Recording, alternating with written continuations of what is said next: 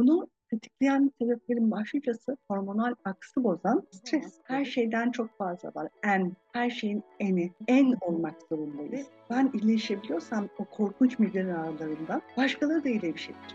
Bu trafik kazasında ilk düşündüğüm şey yarın işe nasıl gideceğim yani. Çözümden bitecek bir şey yok. Aslında her şeyin çözümü olabilir. Anadolu'nun şifacı kadınları başlıyor. Merhabalar ben Didem. Anadolu Şifacı Kadınlarını konuk ettiğim programın bu haftaki konuğu Doktor Gülriz Özbek. 1966 yılında Ankara'da Bulgaristan göçmeni bir aileye doğan Gülriz, Ankara Üniversitesi Tıp Fakültesinden mezun olduktan sonra fizik tedavi ve rehabilitasyon alanında ihtisas yaptı. Ardından hastaların psikolojisiyle ilgilenmeye başladı ve farklı tedavi ve şifa tekniklerini öğrenmeye başladı. Eklemlerinde yaşadığı sorunlar nedeniyle arayışa girdi. Ardından geçirdiği trafik kazasıyla uyanışı başladı. Nöral terapi, ozon terapi, psikodrama, psikokinesiyoloji, hipnoterapi gibi alternatif şifa tekniklerinin eğitimlerini almaya başladı. Psikonörominoloji eğitimi almasıyla insan bedeninin bütün bütünsel yapısını keşfetti ve aldığı tüm eğitimleri nasıl birleştirdiğini fark etti. Ve Gülriz Hoca'yla hikayesini ve şifa yolculuğunu konuşacağız. Hoş geldiniz. Merhaba, hoş bulduk. Nasılsınız? Keyifliyim. Çünkü e, bu benim kendi yolculuğumu anlatma fırsatım. Umarım başkaları için de bir ışık olur. Çünkü ben doktorluğuna öylesine hani farkına varmadan başladım. Ama arkasından onu çok sevdim ve hekim olmanın geleneksel yöntemlerle, tamamcı yöntemlerle birleştirildiğinde insan hayatını, bedenini nasıl değiştirebildiğini gördüm, kendim değiştim. Bunun için aslında çözülmeyecek dert yoktur. Nasıl çözeceğini bilmeyen, yöntemi bulamayan kişiler vardır demeyi öğrendim zaman içinde. Tekrar hoş geldiniz. Bu arada Gülcüs Hoca'yı bana bu programın dinleyicisi sevgili Özlem Sabuncuoğlu önermişti. Ben o sayede kendisiyle tanıştım. Buradan Özlem'e de çok teşekkürlerimi sunuyorum. Lütfen sizin de bu alanda görmek istediğiniz, konuk etmemi istediğiniz şifacı kadınlar varsa bana lütfen ulaşın isimlerini iletin. Ben onlarla seve seve iletişime geçerim. Şimdi hocam tıp fakültesi hikayesine başlamadan önce bu alternatif tıp yöntemlerinden biraz bahseder misiniz? Çok farklı alanlarda eğitimler almışsınız. E, tabii ki de her birini yani çok fazla bir eğitim var çünkü her birini anlatmak bayağı saatler sürer ama kısaca bir özet geçer misiniz? Çünkü mesela benim de duymadığım şifa teknikleri var. Bunları da çok merak ediyorum açıkçası. Sizin yolculuğunuz o şekilde nasıl oldu? Şimdi aslında farklı şifa tekniklerinin hepsi benim bir tıp hekimi olarak uyguladığım şeyler. Tıbbın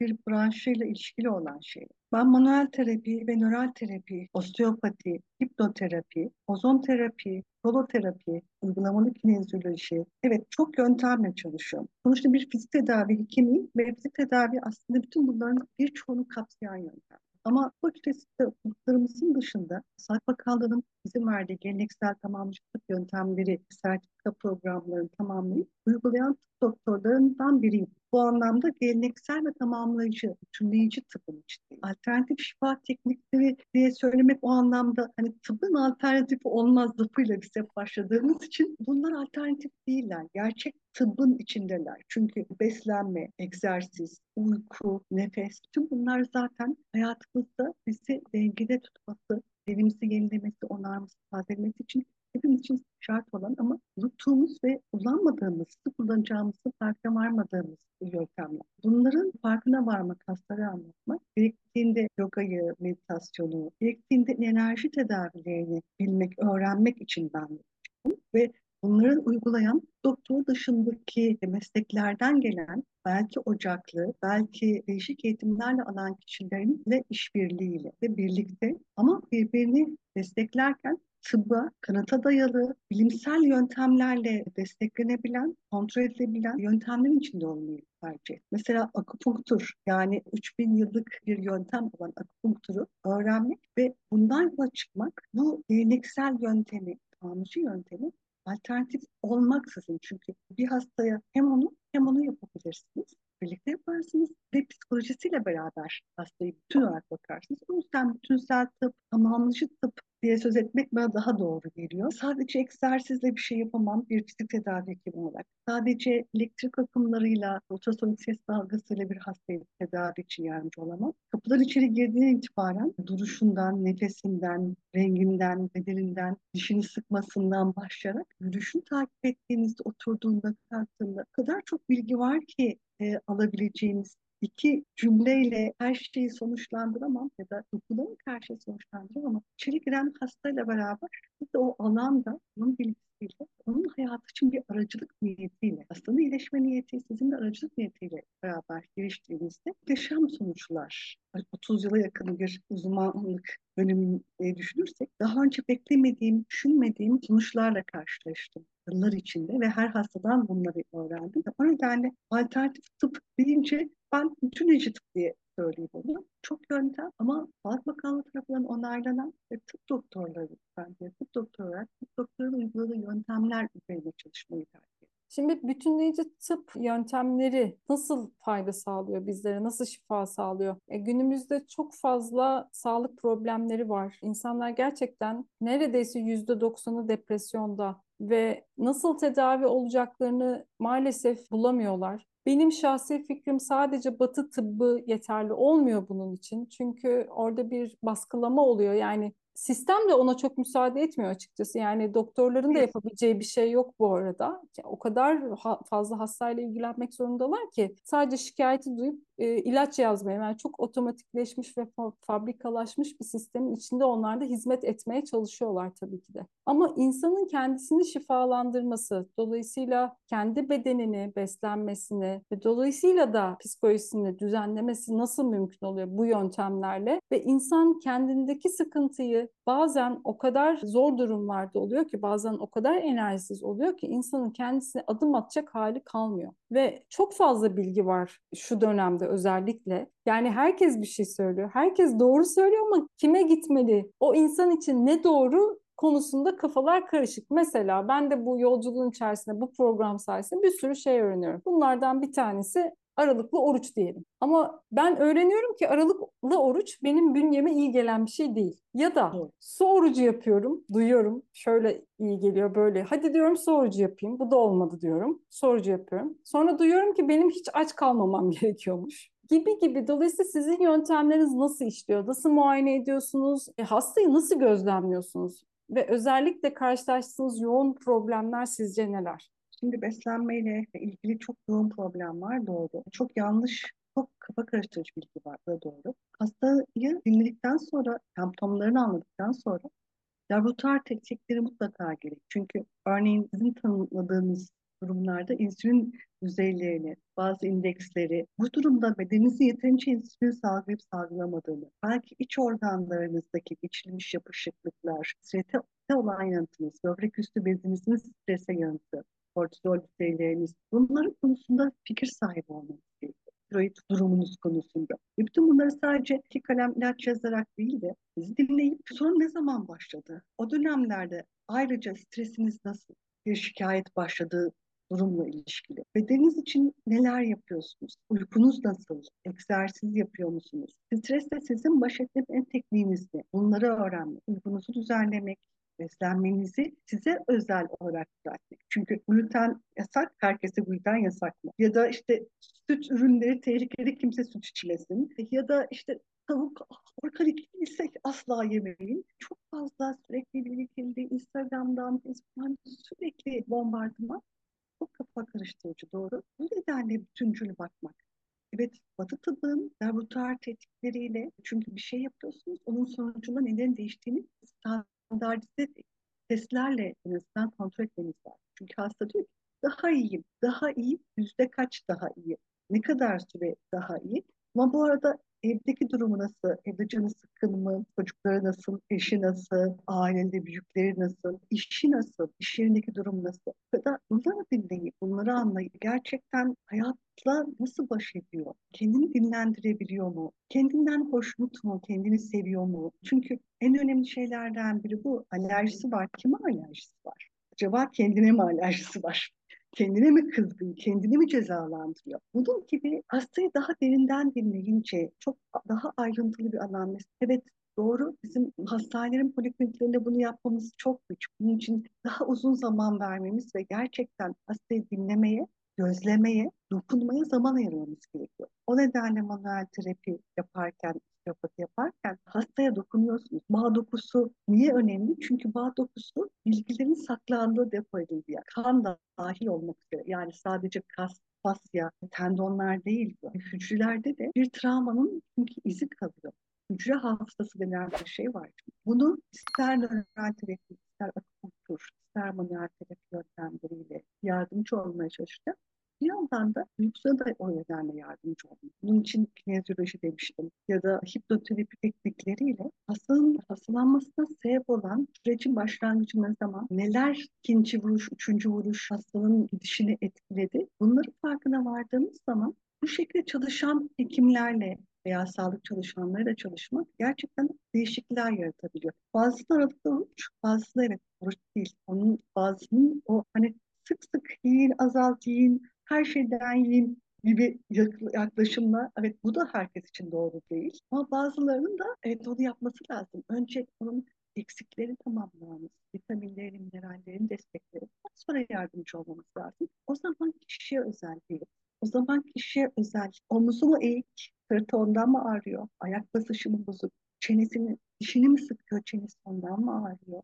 Geçirilmiş eski bir kırık, kırık bir kırık hala onun beyninin derinliklerinde ona ait bilgiyi taşıdığı için mi bugün hala sorun yaratıyor? Bu, bu gözle bir şey sormak istiyorum. Bütün bu teknikler çok güzel, çok da faydalı. Ancak şunu merak ediyorum. Şimdi sinir sistemi, sempatik sinir sisteminde takıldığında, ben dışarıdan herhangi bir tedavi aldığımda eğer sinir sistemim hala sempatik sinir sisteminde takılı kaldıysa, o zaman tekrar ben eskisine dönmüyor muyum? Yani oradaki paterni kırmak nasıl mümkün oluyor bu tekniklerle? Nöral terapi mümkün oldu. Aşırı çalışan sempatik sistemini akupunktur ve nöral terapi yöntemiyle resetleyebiliyorsunuz. Aşırı çalışmasını bloke ediyorsunuz. Parasempatiyi dengeye getirmeye çalışıyorsunuz. Buna aynı zamanda manuel terapi teknikleriyle de katkınız oluyor. Dokuyu, kası uzatıp esnetmesi ve kası beslediğimizde, kasın oksijenle beslenmesini sağladığımızda sıkışmış olan bazı omurga segmentlerini veya kafadaki bazı alanlarda o sıkışmış olan ganglion yapılarını, sempatik ganglion yapılarının beslenmesini sağladığında bu aşırı çalışan sistemi değiştirebiliyorsunuz. Ama bunu tetikleyen sebeplerin başlıcası hormonal aksı bozan stres, böbrek üstünü bezini etkileyen stres. O nedenle bu teknikler işe yarıyor ama beraberinde hastanın kendisini o yüzden sevmesi, affetmesi ve stresle baş etme tekniklerini gözden geçirmesi, yaşamayı öğrenmesi o nedenle mutlaka gerekiyor. Yoksa uykusunu düzeltemediğiniz bir hastaya siz 10 seansla tedavi yapsanız o bir türlü gece kendi iç çatışmaları sürdükçe 3 yaşındaki travmasını yaşamaya devam edecek. Bu nedenle bu yaklaşımları birlikte düşünmek daha doğru olur. Heh, evet onu soracağım. Çünkü çoğumuz özellikle şehirde yaşayan insanlar çok büyük stres altındalar. Çok yoğun tempoda çalışıyorlar. Hayatları çok yoğun. Yani hiç durmak bilmeyen bir temponun içindeler. Dolayısıyla sinir sistemini regüle etmek ve bunu alışkanlık haline getirmek belki de öğrenmek çok kolay olmuyor. Yani orada her seferinde düşebiliyoruz yani ve kabımızı çok genişletmemiz de kolay olmuyor. O kabı genişletmek nasıl mümkün? Kendimizi nasıl regüle edebiliriz? O stresi nasıl e, yönetebiliriz iyi bir şekilde? Çünkü stres de lazım bedene az miktarda da olsa az ama miktar, az miktarda olması ve dengede gevşemeyi hatırlayarak. Onun için herkesin gevşeme tekniği, herkesin kendisi için seçtiği rahatlama yöntemi farklı. Bazısı meditasyonla, bazısı balık tutarak, bazısı spor yaparak. Bazısının o enerjisini farklı kanalize etmesi gerekebilir. Ama o kişiye özel yöntemi o kişiyle beraber bulmak daha sağlıklı olacak bir şey. Evet nefes gerçekten çok önemli. Nefesi bazen susuz kalmamayı, sadece su içerek bile rahatlamayı ve gevşemeyi Bazen de hiçbir şey yapmamayı. Çünkü bazen gerçekten hiçbir şey yapmamak, hissetmek için o sürekli çalışan sistemin biraz durması gerekiyor. E boş boş durup bakmak hani boş duran Allah sevmez ya habire koştururdunuz ya ama kendimizi sevmek için biraz sistemi sakinleştirmemiz lazım. Psikoneuroimmünolojide hem psikoloji hem endokrin sistem hem nöroloji hormonal denge hepsi birlikte bakılıyor. Bunları biyokimyasal incelemelerle beraber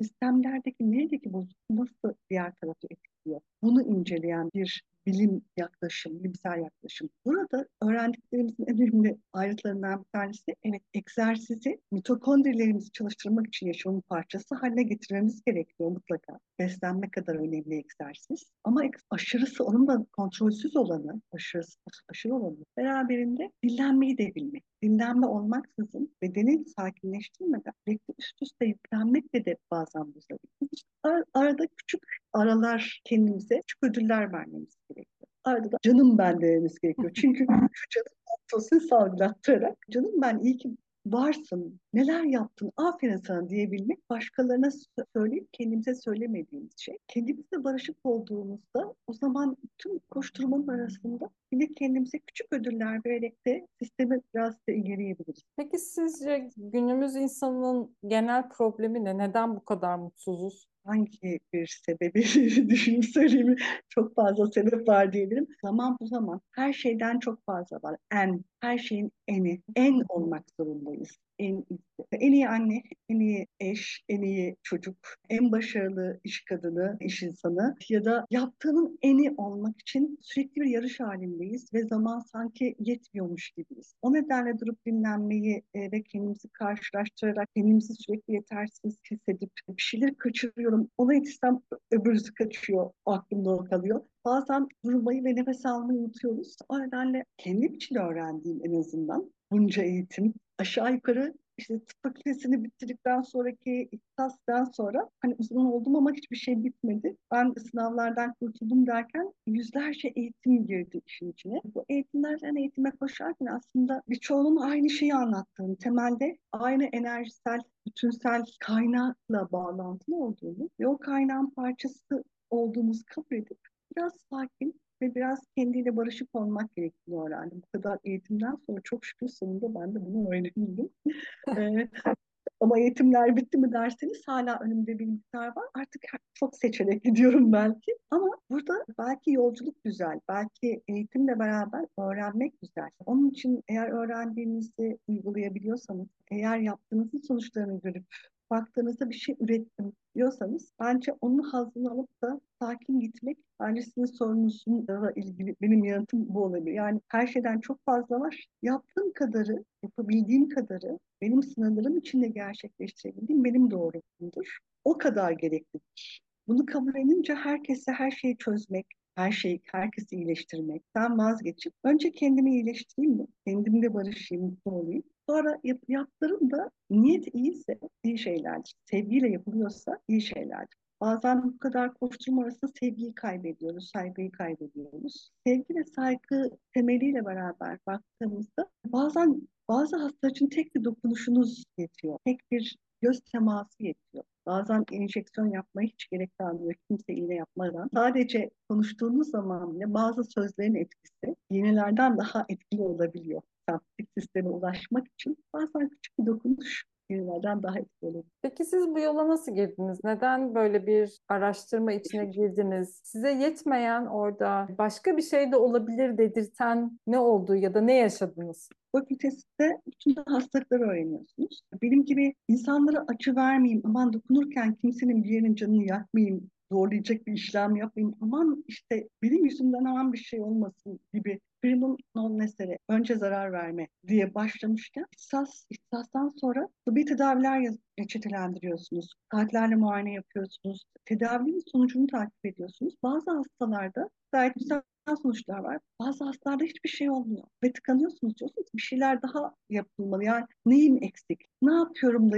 olmuyor? Onda niye oluyor, onda niye olmuyor? Burada neler eklenebilir? Ben ortaokul yıllarımdan beri psikolojiyle ilgilendim. O yüzden de hastaların yanında işin mutfağında çalışırken diyeyim, e, poliklinikte, hasta başında hep onlara da ne oldu, niye oldu, nasıl oldu, yüz sorup öğrenmeye çalıştım. O yüzden de psikolojiyle de bağlaştırmaya başlayınca daha fazlasını öğrenmem gerekti. Psikodramayı, psikodrama da, da şunu öğrendim. Çözümlenmeyecek bir şey yok. Aslında her şeyin çözümü olabilir. Sebebi anlayıp değiştirip dönüştürebilmek, aynadıkça farkına vardıkça bir şey değiştirebilmek mümkün. Daha sonra psikodramadan sonra ben yine çalışıyorum ediyorum. Ama işte evde her yerde çok fazla işte o yüklerle en olmaya çalışırken, mükemmel olmaya çalışırken bir yandan da öğrendiklerimi yapmaya çalışıyorum yetmiyor yetmiyor.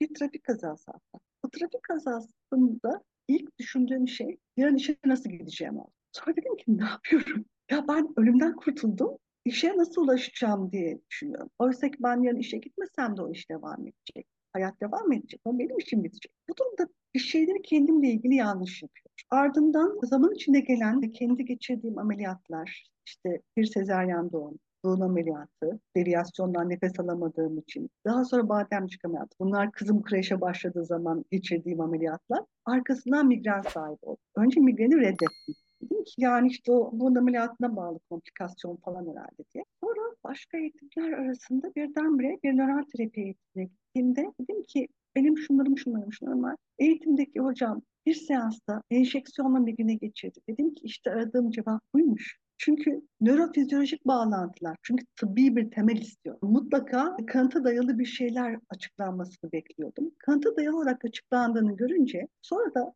beraberinde yine aynı hocadan manuel terapi, psikokinezyoloji, kinezyoloji bunları öğrenip beslenmeyi, ortomoleküler tıp, bedene dokunmayı da öğrenince beraberinde fizik tedavinin üstüne bütün bunların hepsi benim aradığım soruların cevabını verdi. Tabii bu arada akupunktur eğitimde aldım. Evet, bağlantılar yani Batı tıbbındaki eksik olan bize fizyopatoloji derslerinde öğretilen ama bunu pratiğe geçtiğimizde nasıl işleyeceğini bilmediğimiz, nasıl tedavi edeceğini bilmediğimiz bazı bağlantıları bir Alman tıbbı kökeni olan nöral terapi, uzak ama bir anlamda bir Türk kültürünün de aslında devamı olan bir akupunktur. Çünkü Uygur Türklerinin konuda ilk başlarda bilgisi ve girişimi olduğunu günce insan öğreniyor. Bütün bunları birleştirince, projik yaklaşımlarla da üzerine ekleyince işte o zaman benim aradığım soruların yanıtlarını o şekilde buladım. Bunun için evet benim bir kendimi sarsılmam, kendime bir gidip gelmem ve ben iyileşebiliyorsam o korkunç migren ağrılarından başkaları da iyileşebilir. Kim öğrendiyse onu yapması gerekiyor. Çünkü bilgi öğrenip de o kurstan sonra kenara koymak için değil ya da bir kurstan sonra her şeyi biliyorum demek için değil. Ama o nedenle öğrenmek zevkli. Bir kurstan diğerine gidince öğrenip uyguladıkça sonuçları gördükçe o zaman insan bedeni ne kadar kendini iyileştirebildiğini, sonuçlanmaz, bu iyi olmaz denilen, hiç duymadık böyle bir şey bilmiyoruz dedikleri ne hastalıkların birçok arkadaşının yaptığı öyle tedaviler var ki yani insan hayranlıkla insan vücudunun iyileşmesini seyrediyor ve tehditle doyamıyor. Hocam bu psikokinesyolojiyi ben merak ediyorum. Nasıl işliyor? Tedavisi nasıl oluyor? Bir de psikonörominoloji var. Bunlar na- nasıl ilerliyorsunuz bu tekniklerle? Ee, nasıl bir şifası var? Biraz bahseder misiniz duymayanlar için? E, uygulamalı kinezyolojinin bir grubu psikokinezyoloji. Uygulamalı kinezyoloji konusunda kas e, testleri, e, değişik kas gruplarına kas testi yapar. Bedenin yanıtlarına bakın. Bedenden gelen yanıtlar sıfır veya bir, evet ve hayır şeklinde gelen bir yanıt. O zaman ne soru sorduğunuzla ilişkin. Bedene uyumlu ilaç seçimi, bedene uyumlu, uyumlu besin seçimini yaptığınız gibi kas testi üstünden duygusal bilgileri de hücresel kas hafızası üzerinden sorulur. Bir sorun ne zaman ortaya çıktı? Anne atalarından gelen bilgilerle mi bağlı? Baba atalardan gelen bilgilerle? Doğum zamanı mı? Doğum öncesinden gelen kayıtlarda ilişkili? Doğum sonrasındaki hangi yaş dönemine ait bir travmamız var? Bunu kas testiyle sorduğunuz zaman vücut bunun için bir yanıt veriyor. Bunun da hangi duyguyla bağlantılı olduğunu bulursanız bunu daha kolay bir şekilde EMDR'a çok benzeyen yöntemlerle ve yine kas enerjisi teknikleriyle eğer hasta uygunsa, hasta kabul ederse bazı hipnoterapi teknikleriyle beraber sonuçta kökeni bildiğiniz zaman o zaman yardımcı olabiliyorsunuz. Bu psikokinezyoloji, kinezyolojinin projik anlamda kullanılmasına yardımcı oluyor. Psikonöroimmünoloji ise o da yine bir batı tıbbının yaklaşımı. Burada da yine laboratuvar testleri, burada yine egzersiz düzenlenmeleri, beslenme düzenlenmesi, destek ürünlerinin hepimizin bildiği, konuştuğu, zerdeçaldan, karabiberden tutun, yeşil çaydan tutun, ama bunların kime ne zaman nasıl vereceğini yine fonksiyonel tıbba benzer bir yaklaşımda yalnız işin içine biraz daha fazla psikoloji bağlantıları da eklenmiş tekniklerle beraber bir yaklaşım tarzı psikonöroimmünoloji. Ama burada da yine tıbbi testlerimiz var ve biz bunlarla hastadaki değişimleri görmeyi arzu. Ben mesela terapistime şöyle söylemiştim. Yani bence siz danışanlarınızı almadan önce bir kan tahlili yaptırmalısınız. Dolayısıyla onunla birlikte bir süreç başlamalı demiştim. Yani belki benim gerçekten organlarımda bir düzensizlik var ve bu düzensizlikten dolayı ben kendimi depresyonda hissediyorum, halsiz hissediyorum, yaşam enerjim yokmuş gibi hissediyorum. Dolayısıyla o beslenmeyle birlikte yani fiz- fiziki bir iyileşme başladığında Buna egzersiz, hareket, nefes, dua veya meditasyon diyorum ben ya da farklı tekniklerle uygulayarak bunu düzeltmediğiniz sürece ne kadar psikolojinizle ilgilenirseniz ilgilenin bir taraf orada da eksik kalıyor mesela. Tabii ki D vitamini düzeltmeden depresyonu düzeltemezsiniz. Kemik yapısının gücü, dayanıklılığını etkileyebilecek şeyler için sadece beslenme değil, başka şeyler de hareket de onlar. Oturduğunuz yerde depresyondayım derken, hareketsiz beklerken de bir omuzlarımızı ve kaldırıp hareket etmeden, nefesimizi değiştirmeden sadece antidepresanla veya sadece bilişsel tekniklerle bir şey değiştiremiyor. Sadece romatizma ilaçları olarak romatizmamızın geçmesini beklerken romatizmamız geç. Onun için başlangıç değerlerindeki vitamin, mineral neler? Peki acaba niye emilmiyor? Ne oldu da şu tonu kullanamadı? O nedenle iç organların buradaki kanıklıkları nerede? Tiroid hangi tarihlerde tiroid testi bozulmaya başladı? O dönemlerde psikolojik olarak ne oldu? ifade edilemeyen neler çıktı? O dönemlerde beslenmesi nasıldı? Yurtta öğrenci miydi? Ailesi yanında mıydı? Uzakta mıydı? Yani bütün bunların hepsi birlikte değerlendirilip hep süreçler bunlar. O yüzden mucizevi reçete yok. Hocam şunu merak ediyorum. Tabii ki de kişiye göre değişir tedavi süreci ve zamanı ama genelde sizin çalıştığınız danışanlarla ne kadarlık bir seans süreci oluyor mesela? Geniş bir spektrumda çalıştığım için kişiye göre. Bazen bir kişi gelir, boyun sırt ağrısı tek seans tedavi yaptıktan sonra ben değil ki yani bana sürekli nasıl olduğunu uzaklar ona göre bir sonraki seansı ayarlayın. Derler ki %80'in gibi zaman kendinize gerek. Ama bazen kadar dolu vücutla gelir. Diyabeti vardır, insülin direnciyle, tiroidi bozuktur, kalple ilgili sorunları vardır. Dolu şiş bir bedenle o kişi öyle bir seansta bir mucizevi bir şey yaratamaz. Bazen bir kişi çok uzun, kronik, yıllardır devam etmiş yakınmalarla gelir. Siz bir iki seansta onun duygusal kanıklığının aynalamasını yaparsınız. Ondan sonrası süreci ona bırakırsınız. Ve dersiniz ki beslenme destekleri bunlar, diyetiniz şunlar. Bunlara devam edin, egzersizleriniz bunlar. Yardımcı olunca gelin. Hasta bir iki ay gider kaybolur ondan sonra gelir hayatında değişiklikler olmuş, bir şeyler değiştirmiş. Onun arkasından yapacağınız birkaç seans bir teknik yaklaşımla bir daha aradan yıllarca kaybolur gider onun yerine başka, onun gönderdiği başka hastalar. O yüzden hani tek reçete, tek terapi yöntemi, yani şu kadar seans. Bazı hastaya 7-8 seans tedavi yapmak zorunda kalırsınız. Bazı hastaya 3 seansta çünkü iyileşmek isteyen bedenin niyetiyle şey değiştirmek isteyen ve bu tıkanıklık benim şunları şunları yanlış yaptığım için olmuş. Demek ki benim bunu değiştirmem gerekir diye kabul eden hastayla doktorun niyeti birleştiği zaman o zaman işler çok hızlı gidiyor. Ama dışarıdan birisi bana egzersiz yaptırsın, birisi benim kolumu indirsin, kaldırsın. İlaç rutinde tüm bu unut, dertlerimi hepsi unutayım diyen kişiyle o zaman yapamıyoruz. Onun için kişiden kişiye farklı ama bir sıklıkla en az bir üç seansta e, benim nöral terapi hocamın söylediği şöyle bir şey vardı. Üç seansta hastanın şikayeti yüzdeyle azalmadıysa kişileri atlıyorsun. Atladığınız MR bir daha dönüp bakın. Onu bulduktan sonra onun tedavisini çözebilirsiniz. Birçok teknik var. İnsanlar da gerçekten şifa arıyorlar bir yandan. Nereye gideceklerini de bilemiyorlar. Bir yandan da ekonomik olarak gerçek anlamda bütçesel olarak insanları zorlayan teknikler bunlar maalesef. Dolayısıyla biraz böyle bütçesi elverişli olanların gidebildiği bir durum var ortada. Siz bu konuda ne düşünüyorsunuz merak ediyorum. Yani bunun sadece belli bir zümrenin faydalanması bana biraz üzücü geliyor açıkçası. Tabii ki de hepsi çok kıymetli eğitimler. Gerçekten de e, eğitim fiyatları da zaten çok yüksek. O konuyla ilgili herhangi bir şeyim yok ama toplumun bütünsel olarak iyileşmesi nasıl mümkün olabilir? Tekrar birbirimizi sevmeyi öğrenmek. Hatırlamak. Bir bütünün parçası olduğumuzu hatırlıyor. Ekonomik koşullarda bes sağlıklı beslenmek bile oldukça zor. Bir de hocam her şey sektör oluyor. Yani fonksiyonel tıp çıkıyor o bir sektör oluyor. Yani her şeyin kendi özel piyasası var. Dolayısıyla evet. ve, de, ve de çok yüksek fiyatları var. Evet. Çok yoğun bilgi var ve bunların arasından da seçmek de zor.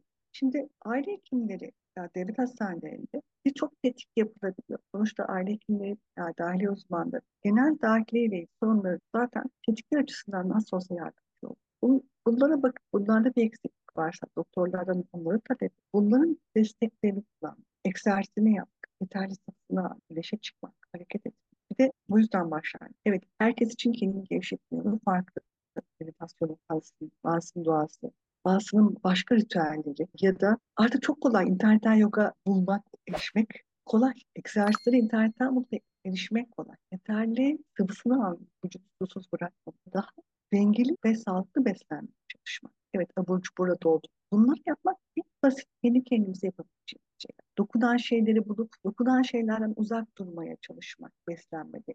Bazı şeylerin alerji yaptığını zaten kendimiz fark ediyoruz, dokunduğunu fark ediyoruz. Bunlara rağmen eğer çözülmemiş bazı sorunlarımız varsa o zaman ikinci arayışı ondan sonra gidelim. Ama temelde bunları yapmak o kadar pahalı. Bunları elde edebiliriz. En azından sosyal güvenlik sistemin penceresinin içinde dahilsek bunları sağlayabilecek olanaklara sahibiz aslında. Çünkü sonuçta bir hekime gittiğinizde söylediğinizde eklemlerim ağrıyor, yorgunum, halsizim, şunlarım var dediğiniz zaman o size zaten bir tetik zaten yazıyor ve sonuçta sistem bunu destekliyor. Bunun ödemesini yapıyor. İçin bundan sonrasında ben bunları denedim, bunları yaptım. Ama kendi kendine farklı işte oruçları yapmak herkes için uygun değil. Bu ve aralıklı oruç herkes için birçok için e, ama herkesin ketojenik beslenme çok uzun süreli. Hani ben aslında çok iyiyim çok uzun süre ketojenik besleneceğim. Bu da çok uygun. Ya da bir şeyleri içine girince üretmek bir şeyin parçası olmak. Bir parça kendi iç yapısı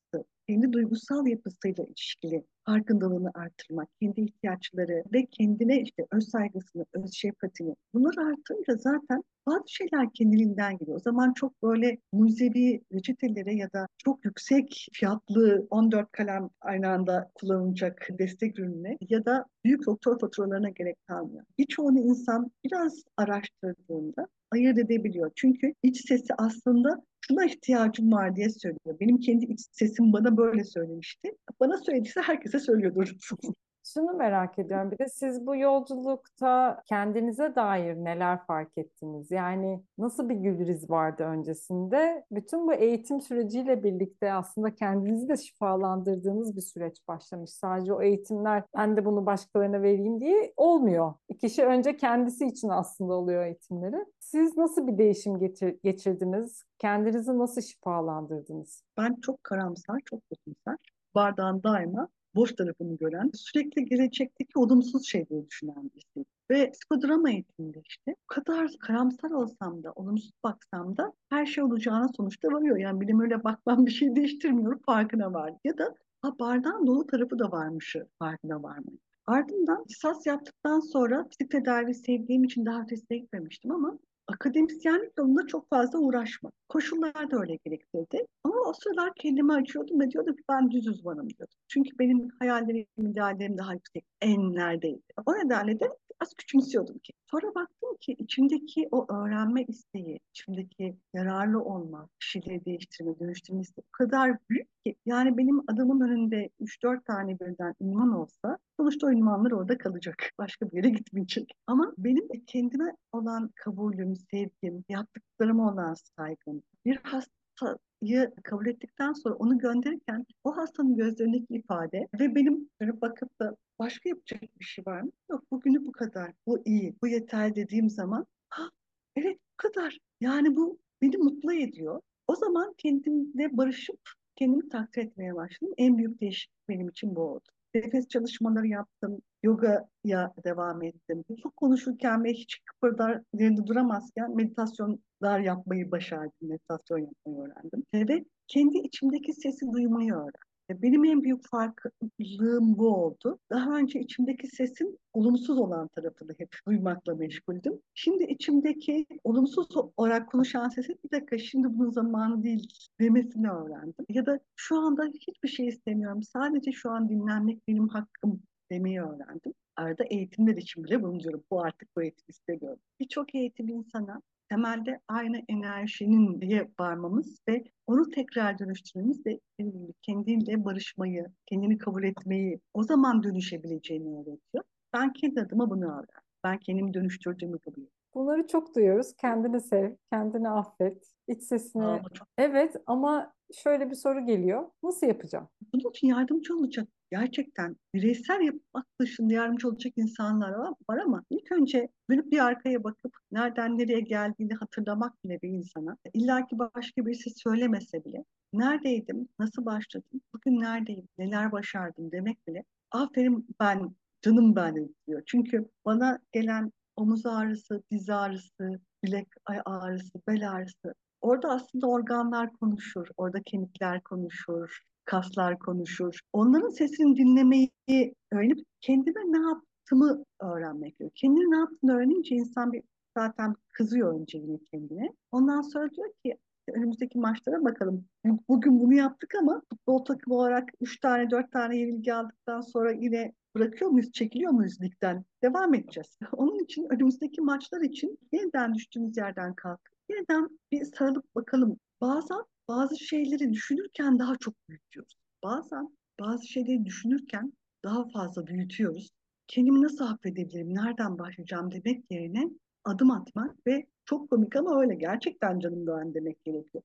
Bunu hastalarla beraber yaptığımızda hastalar gülüyorlar. Kaç yaşında olursa olsun. Hayır demeyi öğrenmek bunlardan bir tanesi. Kaç yaşında olursa olsun hayır istemiyorum diyebilmek ben demek çünkü. Ben olduğunu hatırlayınca arkasından şimdi istiyorum, şimdi istemiyorum demeyi insan farkına varmaya başlıyor. Benim için bu çok büyük bir adım, adım. Kendim için de böyleydi. Hastalarımda da bu şekilde görüyorum ve ben hekim olduğum için benim hastalar, hasta danışanlar değil ama bir kişi hastalandığında şifa aramaya başladığı zaman o şifa yolculuğu bir şeyi dönüştürebileceği ve kabul edeceğinin göstergesi. İlaç dışında ne yapabilirim diye sormaya başladığı zaman işte o zaman bir şey değiştirmem gerekiyor demek. İlk değiştirebileceğimiz, hiç kimseyi değiştiremeyeceğimiz için değiştirebileceğimiz sadece kendimiziz. Alışkanlıklarımızı gözden geçirmemiz gerekiyor. Burada şunu sormak istiyorum. Beynin nöroplastisitesi ile ilgili aslında beyin yapısının daha doğrusu e, düşünce yapımızın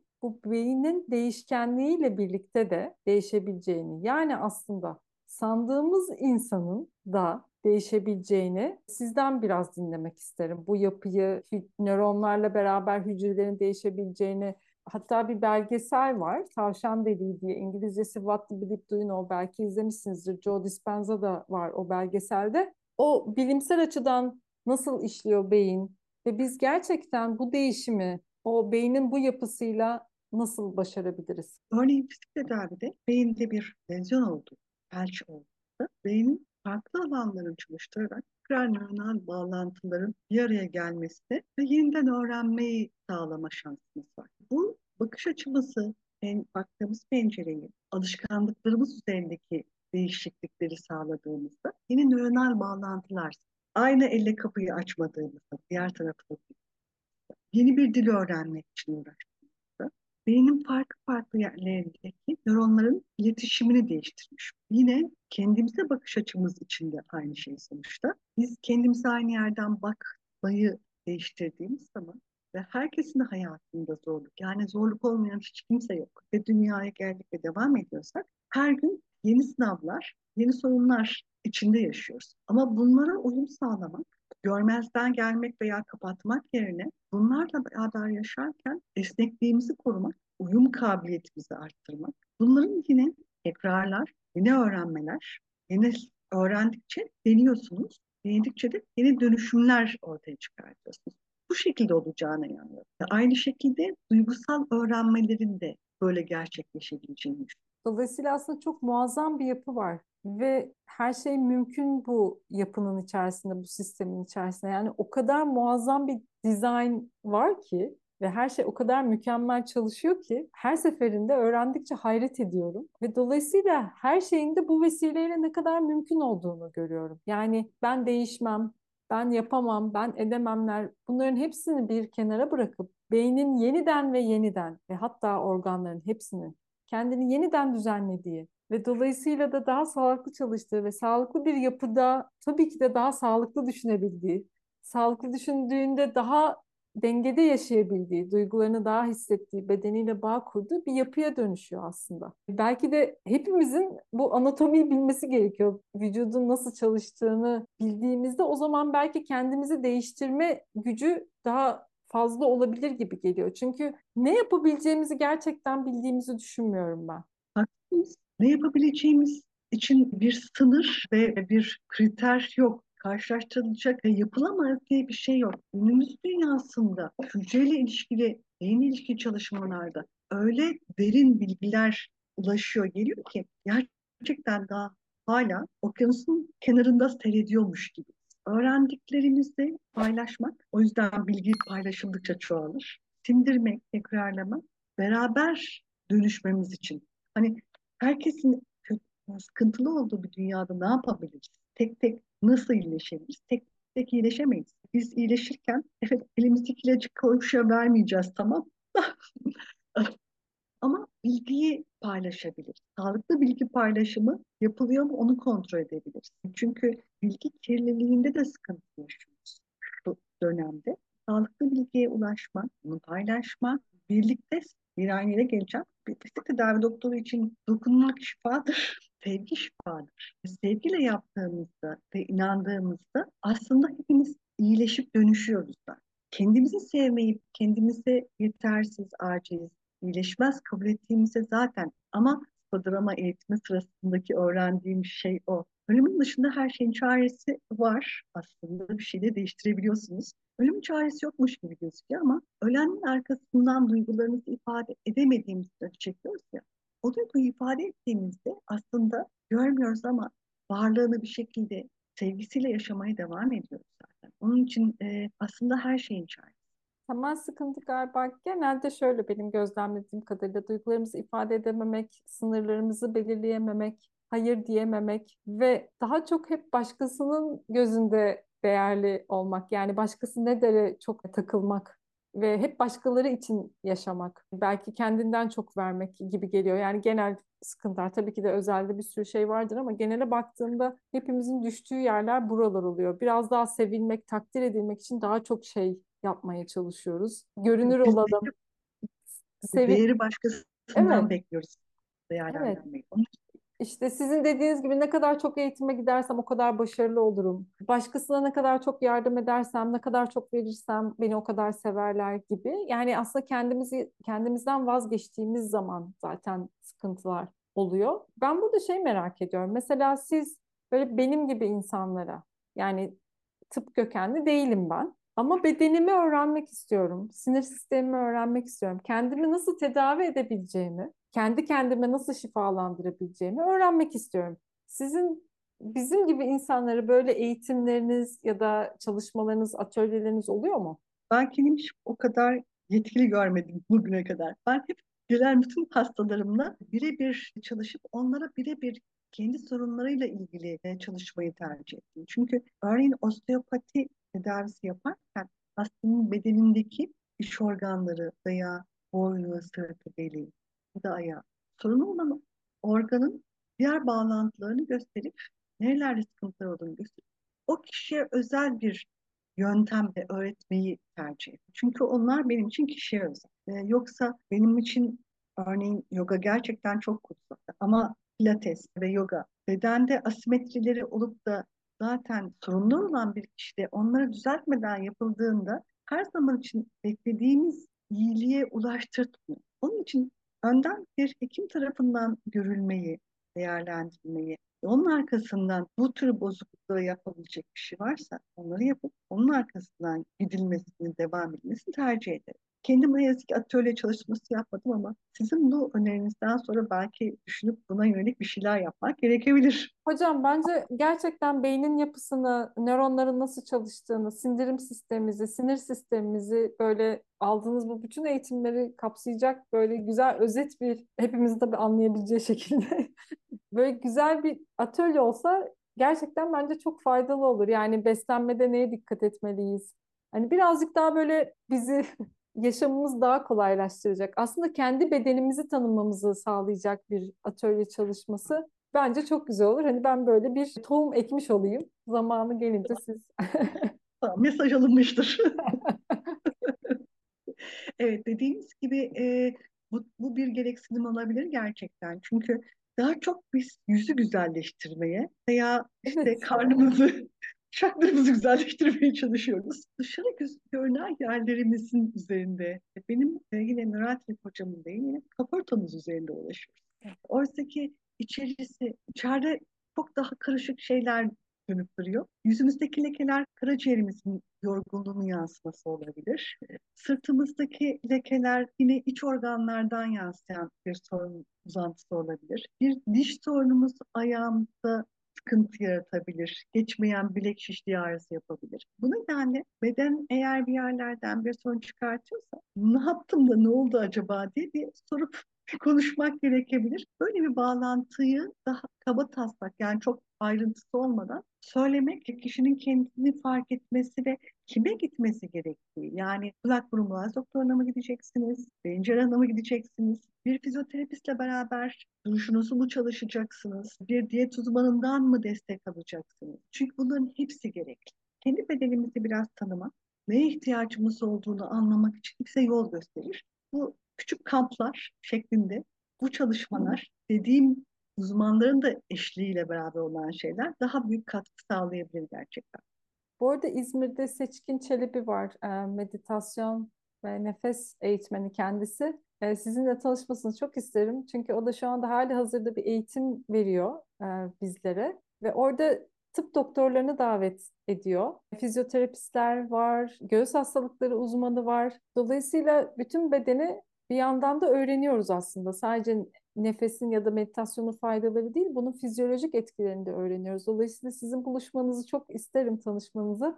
O da çok bütüncül baktığı için e, çok güzel şeyler yapacağınıza eminim. Ben şu an çok heyecanlandım gerçekten. Onun eğitiminden yine öğrendiğim mesela işte memeli beyin, ilkel beyin. Yani biz nerelerde o o beyni kullanıyoruz? Mesela kendimde fark ettiğim, aa ben burada memeli beyni kullanıyormuşum dediğim yerler oldu. Dolayısıyla o zaman insan kendini tanıdıkça mesela ben diş sıktığımı fibro, fibromiyajım olduğu için öğrendim. Diş sıktığımdan haberim yoktu. Sonra bana dedi sen dişini sıkıyorsun. Bir dakika nasıl oluyor? Çünkü işte e, sinir sistemi sempatikte kalıyor. Sen diş sıkıyorsun, sin sindirim sistemin bozuluyor. Sindirim sistemi işte o otoimmün hastalıkları meydana çıkartıyor gibi resmen iz süre süre ben bütün bunlardaki o ilişkiyi böyle öğrendim mesela. Ama bunu bilmeseydim ben buna sadece fibromiyajım var deyip geçebilirdim. Ama şimdi sistemin nasıl çalıştığını bildiğim için kendime daha yaklaşımım daha farklı olabiliyor. Bu aldığımız bir çok eğitim farklı farklıymış gibi gözükse de sonuçta aslında aynı temel. Akupunkturda da, yani de, psikodramada, fonksiyonel sanırım işte. Sonuçta hep aynı yere e, ulaşmış varmış o. Kendini tanı, kendinle barış, bedeninle barış, neye ihtiyacı var? Sabah o gün hiçbir şey yapmak istemiyorsan da gerçekten yap. O gün belki gerçekten daha fazla dinlenmeye ihtiyacım. Zorladığında olmak zorunda diye çıkıp gitmeye çalıştığın yerde ayak bileğin vur, vurkulur, kırılır ve gitmemen gereken yere giderken başına bir şey. İç sesini dinlemeyi öğren. Bunu günümüz dünyasında bu gerçekten çok zor.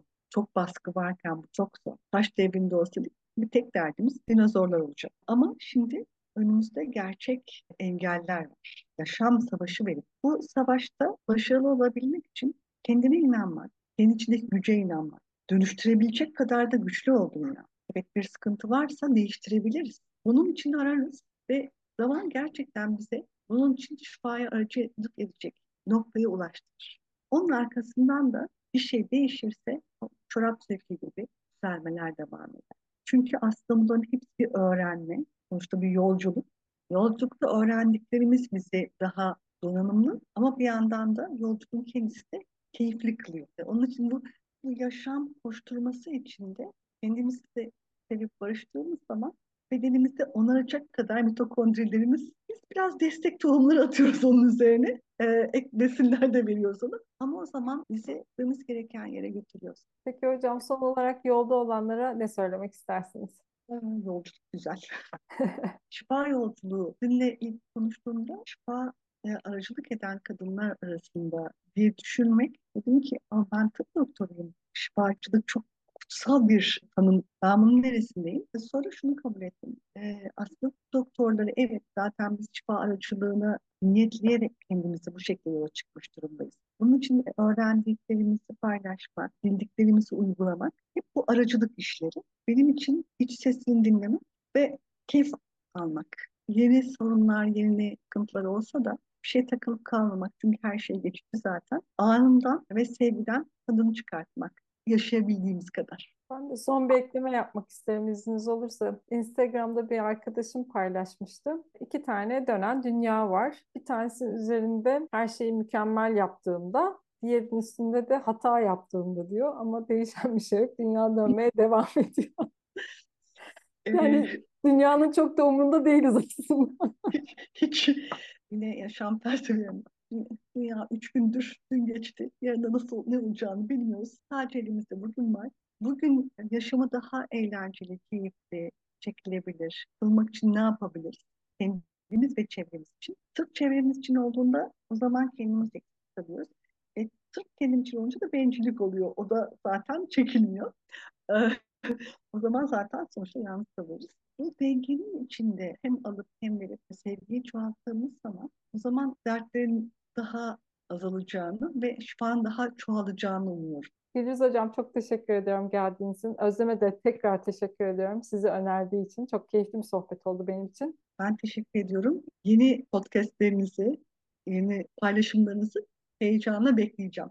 Takipteyim. Çok sağ olun hocam. Ve sizlere de çok teşekkürler. Umarım sizin için de keyifli, farkındalıkla dolu bir sohbet olmuştur. Bu ayki aşk buluşması 28 Şubat Çarşamba akşamı saat 21'de olacak. Konuklarım ilk gün Amitaba ve Elif Özkoç olacak. İkisi de çok güzel şifa çalışmaları yapacaklar.